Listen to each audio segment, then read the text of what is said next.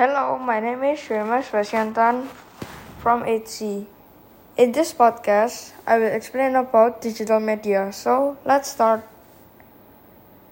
So, how does digital media work? Digital media is a media that can be created, viewed publicly, distributed to people around the world, and also can be modified by people. What is the importance of digital media though? It helps by reducing costs mostly. Digital medias that I use almost every day are WhatsApp, Line, Instagram, Google Classroom, and some games such as Mobile Legends, FR Legends, Stumble Guys, WRC7, and more. So, can media be addictive?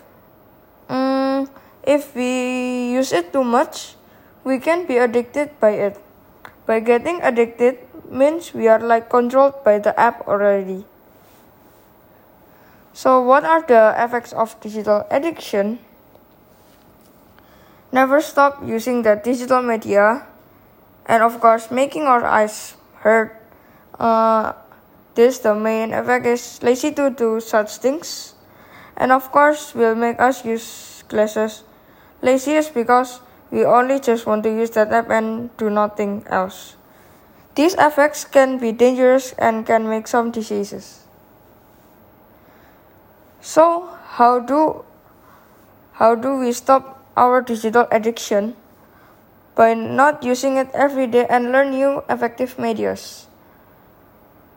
By learning new things in the new media, we can learn and introduce new things to the world.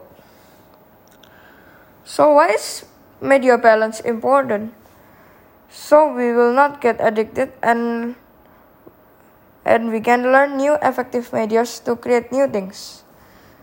But how do you balance digital media? By using digital media wisely and not using it too long and using it wisely and effective. So now I'll tell you the difference between human design and addictive design. So the difference are human design are to discover different things than other. The examples are the main human app and etc. But what is addictive design? Addictive, addictive design can tell what you need and when you need it. The examples are games, design apps, drawing apps, and etc. So that is all for my podcast. I hope this podcast can be informative for people out there, and we hope that this pandemic can end soon.